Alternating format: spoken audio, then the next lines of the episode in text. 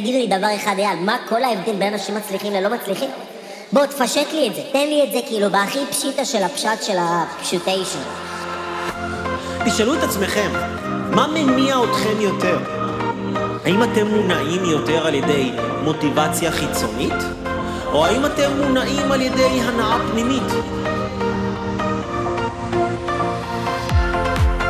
כל בן אדם שרוצה לדעת איך להניע את עצמו, להתגבר על החסמים האלה ועל הנפילות האלה באמצע הדרך ולחזור למסלול מהר, אוקיי? מהר!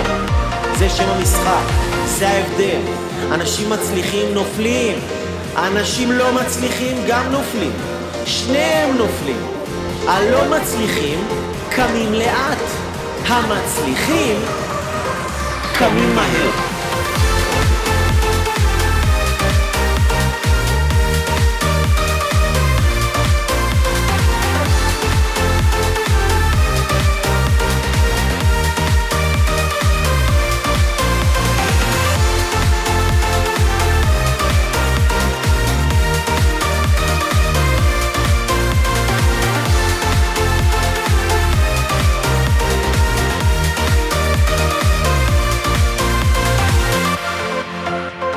אנשים מצליחים נופלים, הם מבינים, אוקיי, עכשיו נפלתי.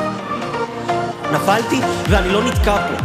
אני הולך לקום, אני הולך לקום עכשיו, אני הולך לחזור להתאמן, אני הולך לחזור, להחזיר את עצמי, להחזיר את הפוקוס לגוף שלי, להחזיר את הפוקוס לבריאות שלי, אני הולך לחזור לאכול בריא, אני הולך לחזור להתאמן, הולך לחזור לראות סרטונים, לקחת מחברת, לרשום לעצמי תובנות, הולך לאיזה סדנה, לאיזה כנס, מה שייתן לי אנרגיה גבוהה, יעיף אותי, ירים אותי, מתחבר לאיזה מורה דרך ואני פאקינג חוזר למסלול ואני חוזר למסלול הרבה יותר חזק מאי פעם, זה כל ההבדל.